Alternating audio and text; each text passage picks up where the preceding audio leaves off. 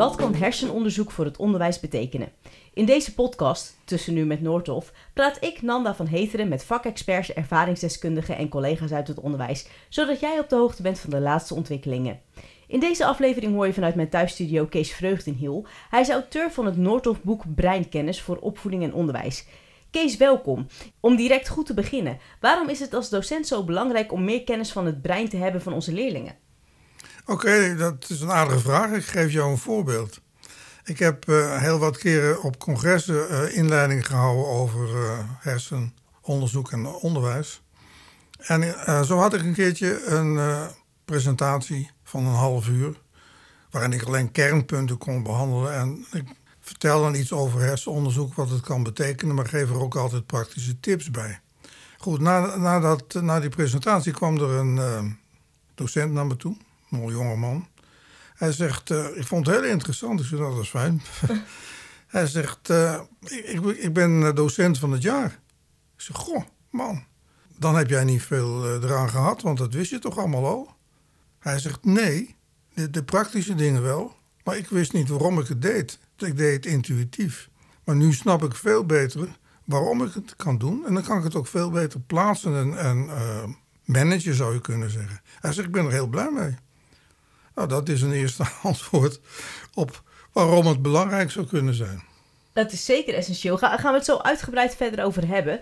Um, maar eerst iets over jou. Wie ben je en wat houdt je werk precies in? Nou, ik ben Kees Vreugden, dat heb je al verteld. En ik heb mijn hele leven zo'n beetje in het onderwijs gewerkt. Ik ben een, eh, eentje die uh, opgeklommen is van het uh, lager onderwijs naar het middelbare onderwijs en later het hoger onderwijs. Maar ik heb ook heel veel gedaan in uh, ja, zeg maar eh, consultancy voor het onderwijs. En uh, ik ben geëindigd als een van de directeuren van het APS. Dat was toen een groot instituut waar de docenten in het voortgezet onderwijs nog wel eens mee te maken hadden. Maar wij werkten vooral in het buitenland. Zo heb ik dus de laatste jaren veel in Oost-Duitsland gewerkt, in Afrika gewerkt, op de Antillen, Nederlandse Antillen in de Cariben. Dus ik heb een heel brede ervaring op kunnen bouwen in alle schoolsystemen en ook daar uh, adviezen kunnen geven. Wat ontzettend leuk, ontzettend interessant. Uh, we zeiden in het voorgesprek, nou, we gaan het ook hebben over jouw middelbare schooltijd. Toen zei je, nou, dat is wel erg lang geleden. Maar je had een superleuk verhaal over muziek. Wil je dat vertellen? Ja, misschien was ik wel een beetje een uitzondering, maar ik ben natuurlijk wel een oude man. En dat betekent, in die tijd dat ik op de HBS zat, had je nog geen popmuziek. Je had allemaal van die uh, crooners uit de Verenigde Staten. En uh, ik was erg uh, gecharmeerd van jazzmuziek. En dat had een aanleiding. Als, ik ging in Den Haag logeren bij, bij familie. En daar vlakbij was de, was de Dixieland Band aan het oefenen. En dat vonden wij als jongens van prachtig. Toen gingen we eronder zitten. En boven ons hoorden we dan elke keer dat, dat geluid. En Sindsdien ben ik echt een jazzfan geworden. Maar ik was ook geïnteresseerd in uh, klassieke muziek al op de lagere school. En vooral in uh, piano recitals. Uh, ik heb mijn hele leven geprobeerd om piano te spelen, maar ik had een eh, gebrek. Mijn links-rechts coördinatie was heel slecht en het is die altijd gebleven. Dus het is uiteindelijk niet gelukt om daar fatsoenlijk op te spelen. Maar ik ben nog altijd een liefhebber van, van klassieke muziek en dan zeker ook van pianomuziek. Nou, de liefde voor muziek is misschien wel het belangrijkste. Wat leuk om te horen. Maar, maar terugkomend op het onderwerp. Je boek is het eerste en enige leerboek voor het onderwijs dat de belangrijkste inzichten van het hedendaagse hersenonderzoek weergeeft. Uh, kan je dan kort uitleggen waar jouw boek over gaat?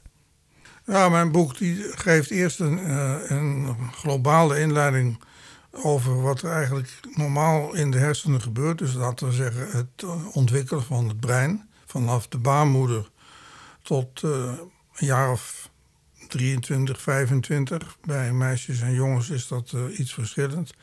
Dan is het helemaal gerijpt. En dat betekent dat je dan wat inzicht krijgt in hoe dat brein zich ontwikkelt, hoe het werkt, uh, wat verbindingen betekenen, hoe dat werkt weer. En allerlei verschillende uh, gebiedjes die erg belangrijk zijn voor bijvoorbeeld de emotionele kant of de cognitieve kant. die behandel ik daarin. En dan geef ik ook voorbeelden over hoe er eigenlijk al vanaf de wieg wordt geleerd door uh, kinderen die geboren worden. En uh, hoe zich dat voltrekt en hoe, hoe rijp of onrijp dat is op dat moment. En uh, dan stap ik langzamerhand over op twee vormen van onderwijs die naar mijn smaak in het verlengde liggen van begrip voor de hersenwerking. En dat is enerzijds vanuit ervaringen leren en anderzijds is dat vanuit inzicht leren. En dat heeft ook te maken met, met de leeftijd. Kinderen vanaf van de, vanaf de wieg tot een jaar of, nou zeg zes, zeven, die leren vrijwel uitsluitend vanuit ervaringen. En daarna bouwen ze steeds meer kennis op. En dan wordt het ook interessant om te kijken: kun je vanuit die kennis uh, nieuwe kennis en vaardigheden ontwikkelen? En dat is dan meer uh, leren vanuit inzicht. Nou, dat zijn dan twee hoofdvormen van, uh, van onderwijs die mogelijk zijn. Die zie je trouwens ook veel in de praktijk. En ik laat zien hoe dat kan functioneren, wat je wel en niet moet doen als docent, om dat ook, laten we zeggen, breinbewust te doen. Nu zei je net dat je een hele grote loopbaan achter de rug hebt en een hele interessante loopbaan in het onderwijs. Maar wat was dan de inspiratie voor jouw boek? Ja, dat is eigenlijk uh, al heel vroeg begonnen. Uh, ik was in, uh, in de lagere school gewoon onderwijzer. En na een aantal jaren daar gewerkt te hebben, had ik leerlingen wel de hele grote klassen. Ik begon met een klas van 48 bijvoorbeeld. Dus je kon niet zo heel veel doen dan alleen maar proberen uh, je, je, je, methodeboekje te volgen. En dan zag je gewoon dat er nogal wat kinderen afhaakten. Dus ik heb me steeds vaker daarna afgevraagd: ja, hoe bereik ik dat? Hoe krijg ik dat voor elkaar? Dat hadden we in de, in de opleiding, de kweekschool, hadden we nog niet zo heel duidelijk gehad in die tijd. Er is één markant voorbeeld dat ik merkte. We gingen op een gegeven moment toch wel een beetje meer uh, letten op uh, uh, andere vormen van onderwijs. Dus bijvoorbeeld vanuit hoeken werken met de kleuters of met zandtafels, ontdektafels voor de oudere kinderen. Heel interessant vonden ze dat. En ik weet nog heel goed, ik had een leerling. En die was altijd weer gefascineerd als hij uit het lokaal naar de gang mocht, waar allerlei uh, interessante ontdekhoeken stonden. En hij ging altijd naar dezelfde, naar de zandtafel. En uh, dat hield hij tijdenlang vol. Toen dacht ik ineens bij mezelf: komt daar nog een keer ontwikkeld? Gaat hij nog wat anders doen? Ik kan hem opdrachten geven, maar dit, daar was, had hij zo'n drive voor. Ik wilde weten wat die drive was en ik wilde kijken of ik niet verder met hem kon komen. Sinds die tijd ben ik steeds meer uh, geïnteresseerd geraakt in uh, wat gebeurt er nou eigenlijk uh, in het brein. Maar daar was toen helemaal geen informatie over. Dus het enige wat je, wat je toen kon opdoen, dat was de leerpsychologie. En die gaf aan hoe de meeste kinderen waarschijnlijk leerden. Maar juist die kinderen die net wat van, de, van dat gemiddelde afweken, ja, dat was, dat was toch een stuk lastiger om greep op te krijgen. Dat is altijd gebleven. Ik heb later ook onder meer uh, ontwikkelings- en uh, leerpsychologie gestudeerd. En toen kwam ik van Lieverlee uh, op de neurowetenschap. Dat was eind jaren 90, dus zo'n zo bijna 25 jaar geleden. Dat was in opkomst. En er waren dus voor het eerst was er vanuit de neurowetenschappen niet alleen maar interesse voor uh, ziektes van het brein, stoornissen en dat soort dingen. Want daar was het vooral op gericht geweest. En nog altijd trouwens. Maar uh, ook steeds meer naar gewone andere processen van gedrag, van, van leren en dergelijke. En toen heb ik in de, in de Verenigde Staten heb ik daar uh, seminars voor gevolgd. Ik had natuurlijk mijn, mijn leerpsychologische achtergrond. En daar heb ik geleerd om meer studie te doen naar het brein. Ik was inmiddels al een tijd gepromoveerd en ik was gewend zelf te studeren. En zo, is dat, zo ben ik daarin gerold. En uh, ik merkte dat uh, gaandeweg er steeds meer onderzoek kwam naar de vragen die ik ooit als beginnende onderwijzer al, al had. Namelijk, wat, hoe kan ik dat leren bevorderen? En, en hoe is dat dan? Want daar ben ik wel benieuwd naar, terugkomend op dat jongetje in de zandbak. Weet je, ontzettend belangrijk is dat, dat uh, of kinderen nou in, in de kleutertijd zitten of uh, op, op de HAVO, VWO of weet ik waar. Dat ze zelf gemotiveerd zijn. Dat ze echt een drive hebben om dingen uit te zoeken en elke keer weer opnieuw te proberen. En daar is later is daar heel veel nadruk op gelegd vanuit ervarend leren, ontdekkend leren, onderzoekend leren. Dat vind ik nog steeds prima vormen. Maar dan moet je wel erg goed als docent weten waar ze mee bezig zijn. En je moet ook weten hoe je dat moet begeleiden om de volgende stap te doen. Die wist ik vroeg nog niet. Dus ik was benieuwd naar die volgende stap bij dat soort uh, onderwijsarrangementen. Helaas is het niet zo heel gewoon dat uh, docenten daar nou net bekwaam in zijn. Want waar moet je dat geleerd hebben? Uh, er zijn wel grote experimenten geweest, ook in het voortgezet onderwijs. Denk maar aan het leerhuis en tegenwoordig leerpleinen. Ik ben daar niet echt tegen, dat, bijvoorbeeld de leerpleinen. Maar dat gaat niet met een docent op afstand. Je moet ook goede leerlingen, maar zeker de middelmatige en dan die daaronder liggen, die moet je heel intensief begeleiden. Nog intensiever dan je normaal in een klassituatie met uitleg van je leerstof zou doen. En anders, ja, dan is het soms leuk en dan zijn ze heel uh, enthousiast en dan willen ze dit en dan willen ze dat. Maar er is veel te weinig zekerheid over twee dingen. De eerste is, ontwikkelt ze dan echt? Ontwikkelt het brein? Wordt dat sterker? Wordt dat slimmer? Wordt het beter? Functioneert het in allerlei gebieden? En het tweede is, zijn ze in staat om al aanwezige kennis die ze hebben en die ze ook van buitenaf krijgen, daarmee te integreren. Want anders blijft het in het brein, blijven het eigenlijk twee sporen. Ik heb daar ergens keurig op geslagen wat ik allemaal moest leren, van de vakken bijvoorbeeld. Aan de andere kant doe ik mijn leuke ervaringen op. En zolang dat laatste leuk blijft, blijf ik het doen. Wat vertelt herseninformatie ons over het leerproces van scholieren? Er is een hele beroemde hersenonderzoeker, Damasio. En die heeft heel veel onderzoek gedaan, juist naar dat soort vragen. En hij heeft een keertje kernachtig zo samengevat. Als je een leerproces op school uh, wil bevorderen, versterken, dan is dat een cognitieve zaak. Dus dat betekent de cognitieve domeinen in het brein zijn dan uh, vol in actie. Maar, zegt hij, dat gaat nooit zonder sociale en zonder emotionele en zonder lichamelijke, zeg maar, bewegingsinvloeden. Die vier gaan altijd samen. En als je dus niet in staat bent om uh, die vier met elkaar zo in je begeleiding en in je introductie van, uh, van het werk en de opdrachten die je maakt, om die echt te integreren, ja, dan heb je weinig greep op de manier waarop kinderen leren. En een andere zaak is nog, er is niet één weg waarop kinderen leren. Uh, elk brein is uniek. En dat betekent dat elk leerproces in zekere zin uniek is. En altijd met die vier samenhangt. En bovendien zit daar een ontwikkelingsvolgorde in die niet lineair is. Dus je kan niet zeggen stap voor stap naar de volgende stap. Soms springen ze een paar stappen vooruit zonder dat je er erg in hebt. Dan snappen ze het allemaal, dan gaat het geweldig. Kan ook een poos stilstaan, langer dan je zou willen. Kan zelfs af en toe helemaal terugzakken naar een vorig stadium.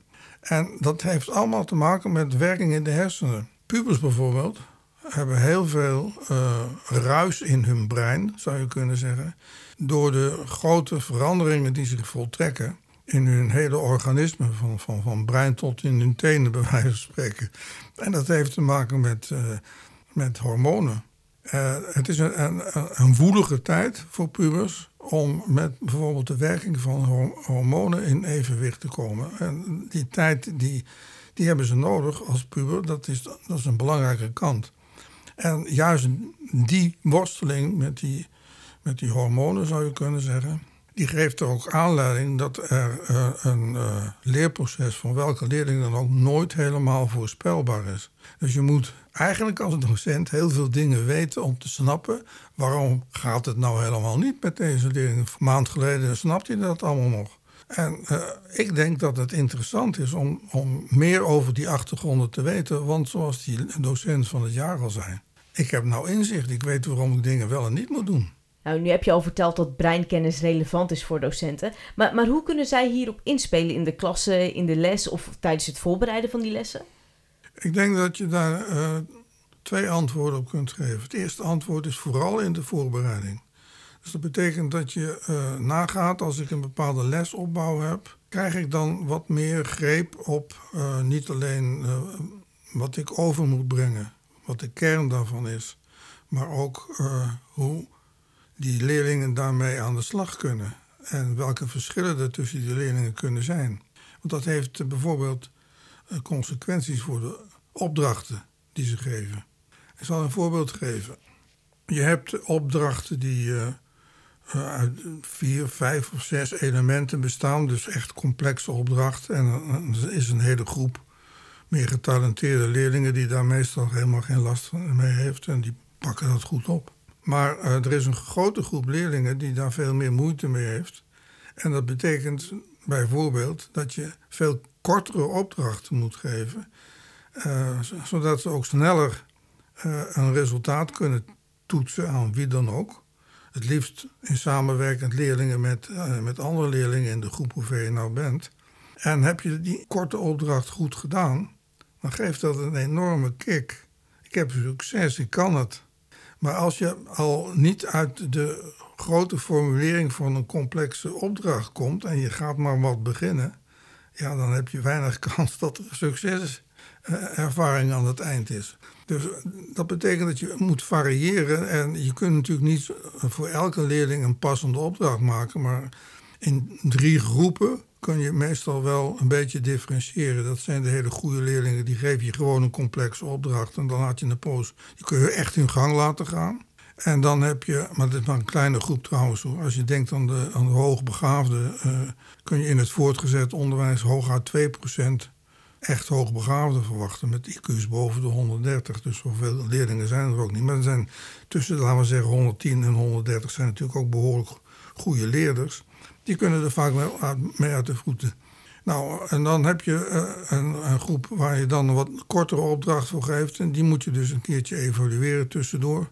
Die tijd heb je, want de anderen zijn toch aan het werk. En bij die, uh, bij die uh, wat trage leerders, waarvan je denkt: ja, gaat hij het wel halen, gaat hij het niet halen, heeft hij het wel of niet gesnapt? Geef alsjeblieft een hele korte praktische opdracht en ga dan kijken wat er gebeurt. En dan kun je terugkoppelen. Nou, dat is één voorbeeld hoe je in de voorbereiding al met de formulering van opdrachten aan de slag kunt. Maar er, er zijn zoveel meer uh, voorbeelden, maar dan moet je wel goed voorbereiden. En uh, als ik daarin workshops en trainingen geef, dan leer ik ze ook altijd een nieuwe vorm van, noem het maar, onderwijsdesign. Ik zeg er altijd bij, als, als docent heb je, hou vast aan de leerstof die vastgesteld is en die jij moet zorgen over te dragen. Dat doe je vaak met boeken, met methodes. Tegenwoordig natuurlijk ook steeds meer digitaal. Al als vakdocent, want dat zijn de meesten in het voortgezet onderwijs, dan ben je daarin thuis, want je bent uh, daarin opgeleid en je bent in staat om, uh, om dat over te dragen, want je hebt voldoende didactiek uh, geleerd. Als je tenminste een lerarenopleiding hebt gevolgd. Dat is je kracht. En, dan speelt er meteen weer vanuit het brein iets anders wat erg interessant is. Namelijk, hoe leren die leerlingen, grof gezegd, binnen onderwijs dat vanuit inzicht, vanuit aanwezige kennis uit, uitgaat. En uh, als je daarnaar kijkt, dan uh, moet je eerst zien dat je, voordat je een les begint, de, de leerinhoud die jij over wil dragen, zo goed voor jezelf in de peiling hebt, dat je kunt beginnen met de essentie, met het grote begrip. En dan kun je naar details. En dat kun je alleen maar als je zelf heel goed in je vak bent. Dus vakkennis is voor docenten ongelooflijk belangrijk, mits ze de essentie weten en ook weten hoe ze dan met praktische voorbeelden dat levendig kunnen maken. Maar dat is in de voorbereiding nog steeds niet genoeg. Je kan die kern aanbieden, maar dat moet wel op een manier gebeuren dat het werkgeheugen van leerlingen meteen even op scherp staat en geactiveerd is. Ik zal een voorbeeld geven. Ik heb nogal veel trainingen gegeven aan docenten in het hoger onderwijs. Ik heb een tijd gewerkt op de, voor, moet ik zeggen, voor de Hogeschool Rotterdam. En dan gaf ik trainingen aan docenten voor, uh, laten we zeggen, breinbewust onderwijs. Overigens waren ze meestal heel erg geïnteresseerd erin. Vonden het echt fantastisch dat soort dimensies en perspectieven te zien. Er was een keertje een, uh, een groep, een docenten bouwkunde. En daar had ik een training gegeven uh, over uh, die vormen van hersenonderzoek die voor hun werk belangrijk zou kunnen zijn.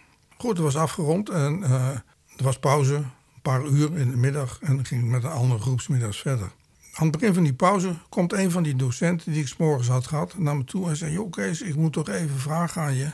Ik heb over anderhalf uur heb ik een hele collegezaal vol, weet je wel, die, die mooie arena-achtige dingen. met allemaal studenten. En uh, dan moet ik ze uh, gaan uitleggen het begrip spanning in de bouw. Hij zegt, want in de bouw hebben we overal te maken met spanning tussen, in materialen. Denk maar aan voorgespannen beton, aan, aan, aan inbruggen uh, enzovoort. Hij zegt, maar dat is het kernbegrip. Die man had dus de essentie door. Hij zegt, maar ik wil met dat kernbegrip beginnen. Hoe doe ik dat? Ik zeg, joh, heb jij nog even tijd om rond te kijken of hier ergens in het instituut iemand toevallig een tennisbal bij zich heeft? Hij zegt, ja, dat denk ik wel, dat red ik wel. Nou, weet je wat, wat je doet? Je hebt een tennisbal. Het hele club zit daar uh, op, die, tribune van je, in die, grote zaal. En je komt er binnen, je kijkt ze aan, het is roezemoezerig, trek je niks van aan. Je gaat ook niet beginnen met iets te zeggen van mensen, even aandacht hier, niks te doen. Dus je haalt die tennisbal uit je zak en je gaat een poosje stuiteren met dat ding voor de hele club. En je legt niks uit, je zegt geen woord, je blijft een beetje stuiteren. Ik zeg, gegarandeerd wordt het dan langzamerhand stiller... totdat een van de brutalen zegt... meneer, wat bent u eigenlijk aan het doen? Ik zeg, nou, dan kun je zeggen... Wat denk je dat er gebeurt als ik met die tennisbal uh, aan de gang ben? Waarom komt hij elke keer omhoog? Waarom blijft hij niet liggen als ik hem naar beneden duw? Ja, dan, ja, dat is de veerkracht die erin zit. Nou, zegt de ander, er zit een soort spanning in dan. Hij zei, oké, laten we het daar eens over hebben. En toen had hij de ingang gemaakt. Iedereen was geïnteresseerd. Ze zaten allemaal op het puntje van hun stoel. En zo heeft hij, ik zeg, ga maar draaien, ga maar kijken. Dus toen kwam om een uur of vier, had hij dat gehad. Ik, kwam, ik was ook klaar, ik kwam hem tegen. Hij zegt, Kees jongen, fantastisch. Ik heb nog nooit van binnen gehad. Hij zegt, dat werkt uitstekend. En dan zie je maar dat je, als je ook in je vakgebied goed bent, en dat moet ook... dan moet je daarin zoeken, wat zijn dan echt van de stof die ik nu ga aanbieden... is de absolute kern, waar draait het allemaal om? Waarom is dat belangrijk? Het brein is zo opgebouwd in zijn geheugen dat uh, er allerlei, je zou kunnen vergelijken, kapstokken zijn van, van hoofdbegrippen. En daar hangen ze dus allerlei andere kleine begrippen en praktische ervaringen aan vast. En als je niet uh, met die uh, kernbegrippen begint, dan is het één grote brei en kunnen ze er heel weinig structuur in vinden. Dat is heel slecht voor een vorming van het geheugen. Nou, dat is bijvoorbeeld van belang als je denkt aan de voorbereiding. Nou, dus even samengevat, het is vooral de essentie weergeven en dat in het begin van de les, zodat je de leerlingen kan prikkelen en zij ook die verbinding in hun hoofd kan maken. En het is vooral heel veel voorbereiden, zodat je de groep kan splitsen in drie groepen. Met een deel wat een hele complexe opdracht heeft, met een deel wat een moeilijke opdracht heeft met af en toe feedback. En een deel wat misschien wel dezelfde opdracht heeft, maar dan in allemaal losse delen met veel feedbackmomenten. Zoiets. En wat ik ook noemde, dus die, die introductie van leerstof, uh, van het, het, grote geheel, de, de, kern, de essentiële begrippen. Uh, en, en, die op een hele boeiende manier eerst maar zichtbaar maken. En als het zelfs kan, ook voelbaar maken, dus mee laten doen. Dat is nog beter, maar dat gaat niet altijd in zo'n grote collegezaal. Nou, dan, dan, heb je, dan heb je daar al een enorme goede start.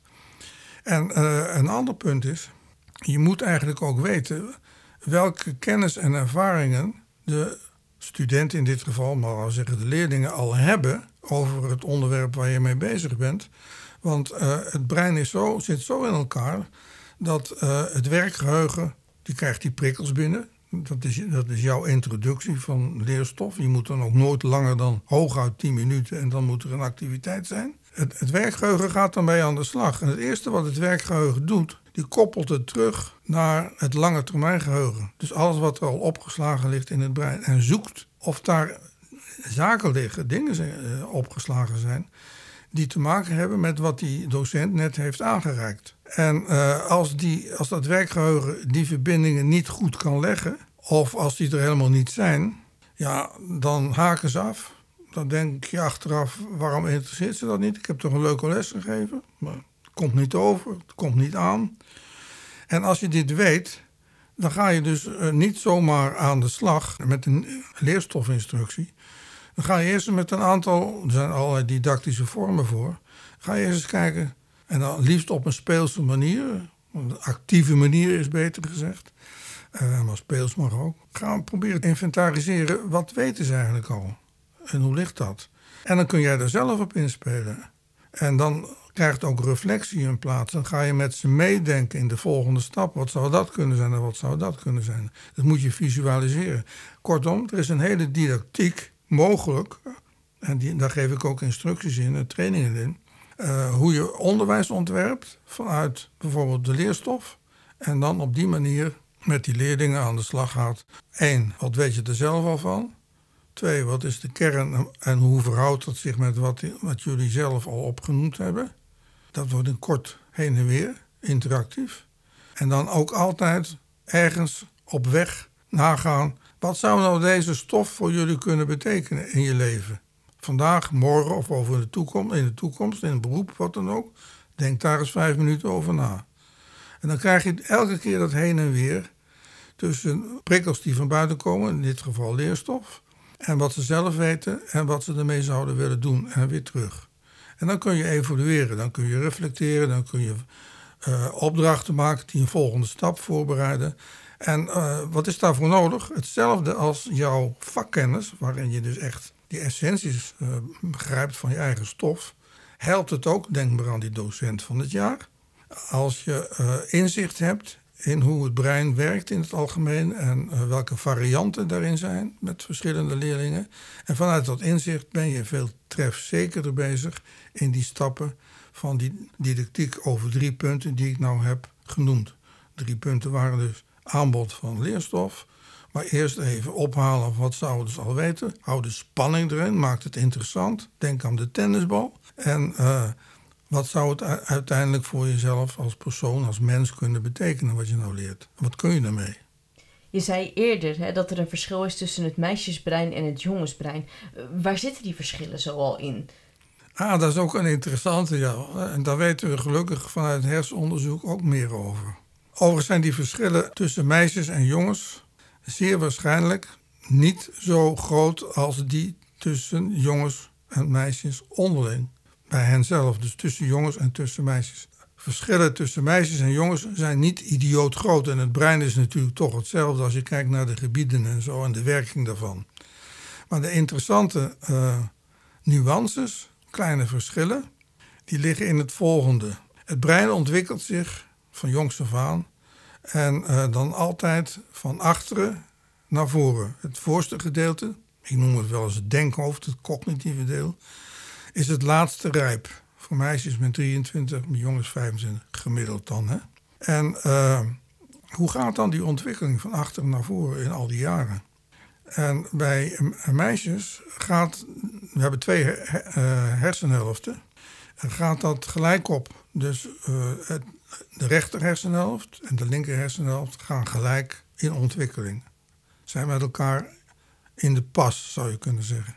En bij de meeste jongens is dat anders. Daar ontwikkelt zich één hersendeel, het rechter meestal, een poosje heel sterk. En dan gaat pas de andere kant erin. En dat wisselt steeds zo af. Sprong je vooruit van de een, dan komt de andere erachteraan. En uh, hun rechterkant is meestal daardoor ook vrij sterk. En dat is de kant ook die wat minder uh, bezig is met cognitieve processen en met nadenken en met reflectie. Maar het is de kant meer van de, van de emotie, van de drift, van de actie. En daarom zijn jongens in een, in een leerproces uh, vaak ook erg uh, geholpen met, met bewegen. Bewegen tijdens het leren bewegen tijdens het maken van opdrachten. Daar zijn tegenwoordig wat voorbeelden van, maar dat staat eigenlijk nog in de kinderschoenen. Maar volgens de brein zouden we dat dan moeten ontwikkelen. Nou, daar liggen eigenlijk de meeste verschillen. Dan is er nog eentje. En dat is dat, uh, nou, ik moet eerst zeggen, er liggen overal in het brein verbindingen tussen de hersencellen. En door die ontwikkeling die ik net schetste, worden die uh, verbindingen steeds meer ontwikkeld. En omdat het bij meisjes gelijk opgaat, rechts en links, uh, hebben die meestal uh, meer verbindingen op de duur tussen linker en rechter hersenhelft dan bij jongens. Meisjes hebben ook veel meer witte stof. Dat is de stof die helpt om verbindingen trefzeker te maken in het brein, zodat er ook wat gewerkt wordt, mee gewerkt kan worden. En bij de jongens hebben meer sterke uh, verbindingen binnen een bepaald gebied van het brein. Dus je zou kunnen zeggen, de meisjes zijn over het algemeen ja, wat meer van allebei de kanten kunnen gebruiken. En dat zie je vaak ook in het gedrag van meisjes. Jongens nemen vaak snelle, soms te snelle beslissingen omdat ze actiegedreven zijn. En meisjes die willen eerst altijd dingen toch van meer kanten bekijken voordat ze een keuze maken. En, en zit er dan ook nog verschil in, in leerlingen tussen de onderbouw en de bovenbouw in het voortgezet onderwijs? Ja, er zit wel wat verschil tussen. Eh, die uh, ontwikkeling van uh, die verbindingen heeft te maken met, met twee begrippen. De hersencellen, dat zijn eigenlijk, die zijn eigenlijk gemaakt van wat ze noemen grijze stof. Dus dat is gewoon concreet aanwezige stof. En elke hersencel heeft een, minstens één uitloper waarmee die contact zoekt met uh, een andere cel. Als dat lukt, dan heb je een circuit, want die uh, andere cel wordt dan niet altijd, maar die wordt dan uh, eigenlijk geprikkeld om ook zelf weer een andere cel op te zoeken die eventueel verwant is. En zo krijg je een soort netwerk. En leren is niks anders dan het ontwikkelen van netwerken en circuits in het brein hoe meer er zijn en hoe meer er tussen gebieden zijn, hoe uh, beter het brein functioneert. Die witte stof, die zit in die uitloper van een cel. Die probeert verbinding te maken met het volgende. Er gaat een elektrisch stroompje door en die moet eigenlijk op dezelfde kracht blijven. En daar zorgt de witte stof voor. Dat is een soort omhulling van die, van die grijze stof. En ik zei al, dat is bij uh, meisjes van ja, laten we zeggen van 12 tot 15 jaar is dat aanzienlijk sterker dan bij jongens. Waardoor ze ook uh, sneller uh, ontwikkelen en verbanden kunnen leggen. Want daar gaat het in, in, leren vaak om. En zeker in het voortgezet onderwijs. En zeker als je naar het hoger onderwijs wil. Maar ook in het technisch onderwijs, ik noem maar iets. Uh, daar gaat het toch ook om verbanden te leggen. En niet alleen maar feitjes te memoriseren en vast te leggen. Vind jij het de rol van de docent om breinkennis toe te passen in de klas? En, en heeft het meerwaarde?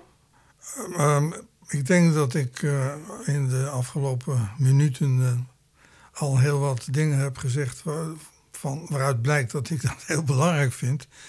Um, ik zal het niet, niet willen voorschrijven, want iemand moet het willen. Maar uh, ik wil nog een, een motief geven om daar aandacht aan te besteden. Als je nu kijkt naar uh, heel veel beroepen uh, waar je voor opleidt, en dat geldt zeker voor uh, HAVO, VWO, maar ook echt wel voor het beroepsonderwijs, voor, voor bijna alle beroepsgebieden die er liggen, dan zou je kunnen zeggen, behalve goede kennis van het vak waarin je bent opgeleid en goede bijbehorende vaardigheden, want dat blijft belangrijk, is het tegenwoordig ook belangrijk om andere doelen te halen. En die hebben te maken met de ontwikkeling van het leren zelf.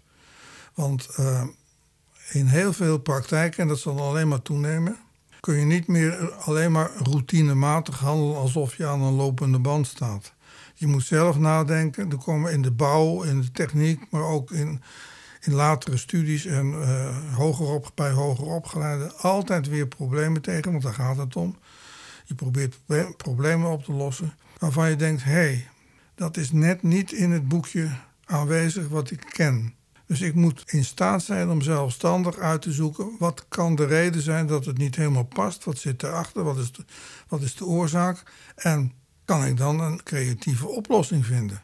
Nou, dat leren leren om uh, flexibel te zijn in probleemoplossing bijvoorbeeld, dat vind ik een volgend groot doel voor het onderwijs. En daar kan inzicht in hoe het brein werkt, kan daar enorm bij helpen. Ik zal een voorbeeld geven. Uit hersenonderzoek, maar ook uit andere onderzoek, is gebleken dat pubers in de leeftijd van pakweg 13 tot 16 jaar hun meest inventieve en creatieve periode van hun hele leven meemaken. Dat is ook weer bevestigd in uh, onderzoek van uh, Eveline Kronen, die nou hoogleraar is in, uh, in Rotterdam aan de Erasmus.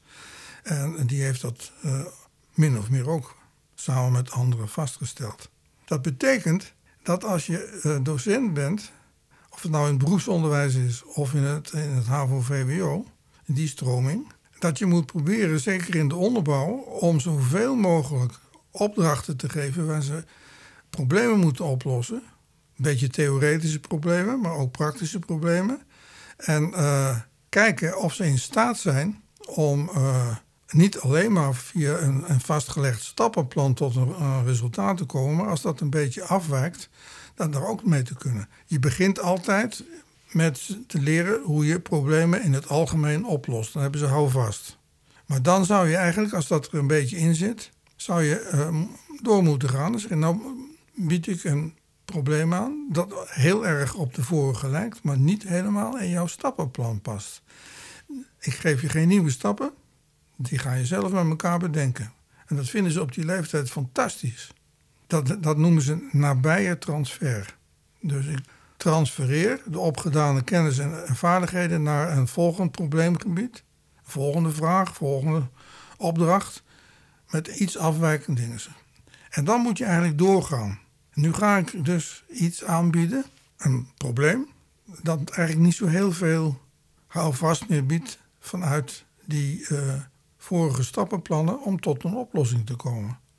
Dat noemen ze verre transfer. En dan ontstaat wat ze dan noemen, als je dat kunt ontwikkelen, diep leren.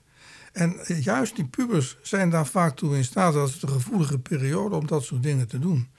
En dat diepe leren, dat heeft dan te maken met uh, breinfuncties die uh, de rechter en de hersenhelft, waar vaak hele originele, creatieve, inventieve oplossingen vandaan komen, intuïtieve oplossingen ook, heel goed samenwerken met de linkerkant. Dat ontwikkelt zich niet vanzelf. Je hebt er als docent in je hele onderwijs mee te maken om die verbinding tussen die twee hersenhelften zo sterk mogelijk te maken. En dan krijg je een heel ander uh, patroon van kennis. Uh, leerlingen die veel meer geïnteresseerd zijn en het boeiend vinden om daarmee aan de slag te gaan. Op welke manieren denk je dat breinkennis de traditionele onderwijsmethode kan beïnvloeden en verbeteren? Ik wil niet zeggen radicaal, want dat moet het ook niet zijn, maar toch wel ingrijpend. Het is niet meer uh, vakkennis en vaardigheden overdragen en zo goed mogelijk. Dat blijft van belang. Maar er komt, zoals ik al zei, een tweede grote doelstelling bij. En dat is leren leren en uh, flexibel zijn in probleemoplossing. En creatief en uh, na blijven denken. En ook jezelf ook afvragen. nu heb ik dat steeds zo gedaan, maar als ik het nou eens anders doe. Dus dat heeft ook te maken met hoe leer ik steeds beter te leren. En proberen ook te ontdekken wat, welk het leervermogen en, leeractiviteit voor mij nou als leerling de beste is. Daar doen ze wel de hele puberteit over. Maar dat moet je dus wel in je programma inbrengen. En dat kan weer alleen als je niet slaafs van een methodeboekje uitgaat. Maar gebruik ze wel voor allerlei dingen. Maak een eigen ontwerp voor de lessen die je uiteindelijk op basis van dat boekje of wat dan ook gaat geven. En daarvan zei ik, dan moet je weer een soort onderwijsdesign hebben, dat je zelf je, je uh, dagelijks onderwijs kunt ontwerpen. En daar heb je drie componenten voor nodig. Dat is de leerstof, dat is uh, de, de voorkennis van de leerling en dat is de leefwereld, de praktijk, wat dan ook. Wat kan het voor jou gaan betekenen in de toekomst of wat betekent het in het algemeen voor het beroep later of wat dan ook. En die drie dingen, die moet je met elkaar leren verbinden. En dat is een, uh, een pittige klus, dat kan ik je wel vertellen. Uh, ik ben op het ogenblik bezig al, nu voor het derde jaar, met intensieve begeleiding van een basisschool. Waar, ze ook met deze dingen volop bezig zijn. En die, die school die ligt in een flinke stad, maar in een achterstandswijk. Dus die hebben genoeg problemen. Maar we zijn dus nu bezig om die drie slag die ik noemde, daar steeds beter bij de docenten in de vingers te krijgen. En wat je ziet is dat er ook nu door die docenten veel enthousiaster wordt lesgegeven. Er zitten veel meer prikkels in. Wat heb je nodig? Nogmaals, inzicht in de vakkennis en de vaardigheden. En twee, inzicht in hoe het menselijk brein zich ontwikkelt en hoe kinderen, leerlingen leren. En wat zijn dan veelbelovende ontwikkelingen binnen hersenonderzoek op dit moment die we kunnen gebruiken? Die zijn er nogal wat. Uh, in de eerste plaats gaat gelukkig het onderzoek steeds door. Daar zit ook vaak gedrag bij. Dus gedragsonderzoek. en uh, leeronderzoek. En dat zat dus al eigenlijk in, in de psychologie, cognitieve psychologie. En dat is nu allemaal ook verrijkt, zou je kunnen zeggen, met hersenonderzoek. En dan zijn we op het ogenblik bezig met onderzoek dat eigenlijk een fine-tuning is van het grovere onderzoek wat tot nu toe op de plank lag. Want het brein is ongelooflijk ingewikkeld. Onderzoekers in de Verenigde Staten op het gebied van intelligentie, die zijn er al, ik denk al tien jaar mee bezig. Die formuleerden een tijdje geleden, toen ze vroegen hoe ver zijn jullie nou? Dan zeiden ze nou we zijn een stukje. Vergelijk dit maar, dit soort onderzoek, naar bijvoorbeeld intelligentie. Wat is het astronomisch onderzoek? Naar de uh, sterrenstelsels, naar het heelal en hoe dat in elkaar zit. Nou, dat is zo ontzettend complex. Ik zei al, uh, elke cel, elke hersencel maakt verbindingen met andere. Dus dat betekent dat er ongelooflijk veel verbindingen liggen tussen cellen. Zeker ook bij volwassenen, bij jonge kinderen ontwikkelt zich dat. En uh, een tijdje geleden heeft iemand, een hersenwetenschapper, eens een keer vergeleken heeft gezegd, toen ze vroegen meneer, hoeveel verbindingen zouden er nu zijn in, uh, in, uh, in de hersenen? Hij zegt, nou, op de eerste plaats zijn er bijna 100 miljard hersencellen. En er liggen tienduizenden verbindingen tussen. Dus, zei hij, vergelijk het maar zo. In elk brein, zeker in volwassen brein, liggen meer verbindingen dan tussen alle media in de hele wereld. Dat, dat is nogal wat. Ja, dat kan je wel zeggen. Dus je snapt, dat voorlopig het hersenonderzoek nog helemaal niet klaar is en dat ze soms ook op vorige onderzoeksresultaten terug moeten komen. Zijn bezig met die fine-tuning. Maar er is nog een ander groot gebied wat heel interessant is. En dat voltrekt zich niet alleen uh, bij het onderwijs, maar ook in de zorg bijvoorbeeld. En dat is, men ontdekt steeds meer de samenhang tussen verschillende ontwikkelingsgebieden van mensen. Dus niet alleen het brein zelf, maar ook de rest van het organisme. Hoe je lichaam uh, functioneert.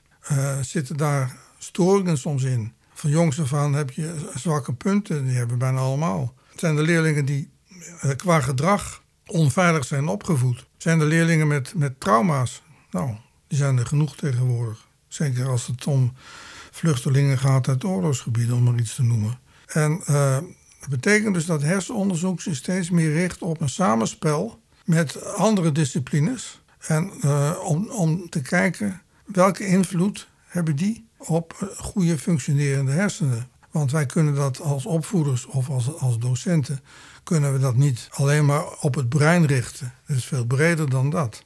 Als je een, een uh, mooi, maar ook soms schrijnend voorbeeld wil, wil lezen over hoe dat gaat uh, met kinderen die bijvoorbeeld uit een achterstandswijk komen. En ook nog uit een gezin zonder liefdevolle verhoudingen, maar met ontzettend veel geweld en andere toestanden, met armoede. En hoe dat dan zich ontwikkelt als die op school komen en wat er met hen gebeurt en hoe ze tegen het leren aankijken en hoe dat allemaal gaat. Dan moet je het boek eens lezen van Milio van de Kamp. Dus dit jaar verschenen. Milio is een socioloog aan de Universiteit van Amsterdam. En die komt uit zo'n gezin. En die heeft helemaal opgeschreven wat hij van jongs af aan heeft meegemaakt. Hoe hij heeft geworsteld in het onderwijs. Terug is gevallen en via omwegen toch nog weer een stap verder is gegaan. Ontmoedigd werd. Het boek heet niet voor niks. Misschien moet je toch maar uh, een, uh, iets lager mikken in je leven. En uiteindelijk is, heeft hij toch vol kunnen houden met veel uh, hulp en ook een beetje geluk. En uiteindelijk is hij dan socioloog geworden en geeft les aan de universiteit. Dan kun je zo'n spoor volgen en dan zie je wat er allemaal, zowel lichamelijk als mentaal en met emotionele zekerheden kan gebeuren. Vooral als die slecht zijn.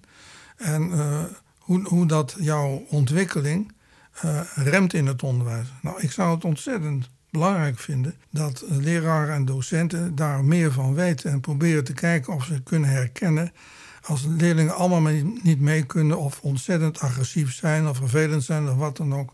Wat kan daarachter zitten? Ik weet ook wel, een docent, van een docent mag je niet verwachten dat hij daar allemaal kennis over heeft en weet wat hij moet doen met zo'n leerling. Want daar, zijn we niet voor. We zijn geen therapeuten in het onderwijs. Maar als je dat signaleert en je, je uh, bouwt in het onderwijs een netwerk op van uh, mensen die uh, psychologische ondersteuning kunnen geven, die dingen verklaren en noem maar op en helpen om, om dat te verbeteren, dan zou je een eind verder zijn. Als je kijkt naar een, een professionele voetbalclub. die echt in de, in de top speelt. Die heeft een hele staf van dat soort mensen. Die, er zitten artsen bij, er zitten psychologen bij, gedragstherapeuten zitten erbij. En elke voetballer in, dat, in, in het hoogste team, ook eronder soms, die, eh, die krijgen dat soort begeleidingen en ontwikkelen zich dus ook als persoon en als mens. Als het niet helemaal fout gaat omdat ze te vroeg miljonair worden. Maar dan zie je hoe belangrijk het is dat er langzamerhand een netwerk opgebouwd wordt rondom een school waar docenten ook zeggen: mensen, ik krijg geen vat op die leerling en ik constateer dat soort gedrag. Wat betekent dat en wat zou ik er eventueel aan kunnen doen? In, in het basisonderwijs zijn ze daar al een hele tijd mee bezig. Daar hebben ze dan zogenaamde interne begeleiders. Die hebben daar opleiding in gehad. Uh, maar dat kan ook nog veel meer verbeteren.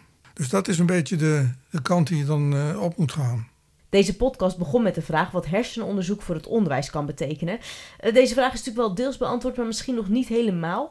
Kan je nog antwoord geven op de vraag? Ik denk dat het misschien aardig is om te besluiten zomaar met een handjevol concrete tips die niet altijd, maar ook te maken hebben met hersenonderzoek. De eerste, die, heb ik al genoemd, biedt eerst altijd essenties van leerstof aan voordat je naar de, naar de details gaat, dus van globaal naar specifiek. Tweede is, en zo werken de hersenen ook, biedt structuur aan. En uh, dat betekent dat je al helpt om verbanden te leggen in de stof die je aanbiedt. En dat kan bijvoorbeeld heel goed met grafische vormgevers, mindmaps en dat soort zaken. Een ander is dat je zinvolle context aanbiedt. En uh, contexten die uh, leerlingen ook kunnen herkennen, die dicht bij hun sociaal-emotionele beleving liggen. Uh, als je daartoe in staat bent en daar bijvoorbeeld opdracht aan koppelt of gewoon je uitleg daarmee versiert, zou je kunnen zeggen, dan ben je ook al een heel eind. Dan is regelmatige en herhaling nodig. Nou, dat weten de meeste docenten wel. Maar wat we uit de werking van, van uh, het geheugen weten, geheugenvorming, is dat je herhaling altijd moet variëren. Dus nooit hetzelfde als de vorige keer. En in wisselende opdrachten en ook in wisselende contexten. En dan helpt het dat moet je ook na enige tijd doen. Dus je moet niet zeggen, uh, nu hebben we dit onderwerp afgesloten. Ik heb een schriftelijke overhoring gegeven of een proefwerk of wat dan ook. En nou is dat gebied klaar. Nou, je moet maar eens proberen om over twee maanden zonder voorbereiding aan die leerlingen opnieuw dat proefwerk voor te leggen. En dan ontdek je snel wat er is blijven hangen en wat is verdwenen. Dus herhalen is prima, dat moet ook, gevarieerd en in wisselende opdrachten, maar ook af en toe herhalen in latere tijd als je denkt het heeft alweer eens even een update nodig. Nou, eigenlijk zijn dit een handjevol uh, belangrijke dingen. Het zou heel mooi zijn als je dat dagelijks in je werk een beetje kunt, uh, een paar steeds kunt proberen te realiseren. En vergeet dan vooral niet dat je bij de uitleg van, uh, van stof eerst even nagaat wat weten ze er al van. Mooi. Ja, nee, echt super handig. Want dit kan je echt direct meteen morgen gebruiken wanneer je het nodig hebt. E-, even iets heel anders. Hè. Jij bent op jouw manier heel betrokken bij de onderwijssector. Het is natuurlijk een vakgebied waarvan we weten dat heel veel goed gaat en ook heel veel voor verbetering vatbaar is. Maar als jij nou de, de onderwijsminister zou zijn, wat zou je dan veranderen? En, en hoe zou je dat doen en waarom? Nou, een prachtige vraag. Nou, in de eerste plaats ambieer ik het totaal niet. Maar stel je voor dat ik erin verzeild zou raken. Uh, ik kan niet veel als het om deze dingen gaat. Want uh, het onderwijs heeft uh, vanuit de grondwet zeggenschap over vooral hoe ze het doen. Ik kan alleen aangeven welke gebieden en vakken en zo aan de orde moeten zijn. En aan het eind van een opleiding kan ik aangeven dat er aan, aan, die en die en die voorwaarden, eindtermen en dat soort dingen voldaan moet zijn. maar daar houdt het op. Ik kan, ik kan niet gaan aangeven dat docenten nu ook meer vanuit uh, hersenonderzoek moeten gaan werken. En wat ik zeker niet moet doen, en waar vaak ministers wel uh, in vervallen, is dat je weer eens gaat morrelen aan de structuur van het onderwijs. Dus mensen, laten alsjeblieft die huidige structuur bestaan. Er zijn natuurlijk andere structuren die ook heel interessant zijn. Laat dat alsjeblieft weg. Want het is heel belangrijk dat we met dit soort dingen doorgaan. Dus grondige vakkennis en vaardigheden. En ook grondige, grondig hou vast hoe jij als leerling leert. En hoe je dat voor jezelf ook steeds weer opnieuw kunt verbeteren. En uh, dan zou ik als creatief idee, omdat ik natuurlijk toch wel heel graag dat hersenonderzoek erin wil hebben, zou ik zeggen, nou, ik zou bijvoorbeeld wel stimulansen kunnen geven om overal, op, nou ja, overal maar op verschillende plaatsen in het land, dus bereikbaar voor de meeste docenten in een regio, een onderwijslaboratorium in te richten, waarin uh, elke keer weer opnieuw dit soort uh, inhoudelijke vernieuwingen met aangepaste didactiek wordt aangeboden, uitgewisseld tussen mensen en zo langzamerhand verder gaan. Dat betekent dat je voor de docenten een inspirerende leeromgeving, leeromgeving opbouwt, zou je kunnen zeggen. Waarmee ze ook nieuwe ontwikkelingen in hun eigen dagelijkse werk kunnen proberen te integreren in wat ze doen. Nou, voor mij ben je in ieder geval heel inspirerend geweest, dit gesprek. Dankjewel. Dankjewel dat je te gast was in deze podcast. En vind je deze podcast nou leuk? Beoordeel hem dan, zodat andere mensen hem ook kunnen vinden.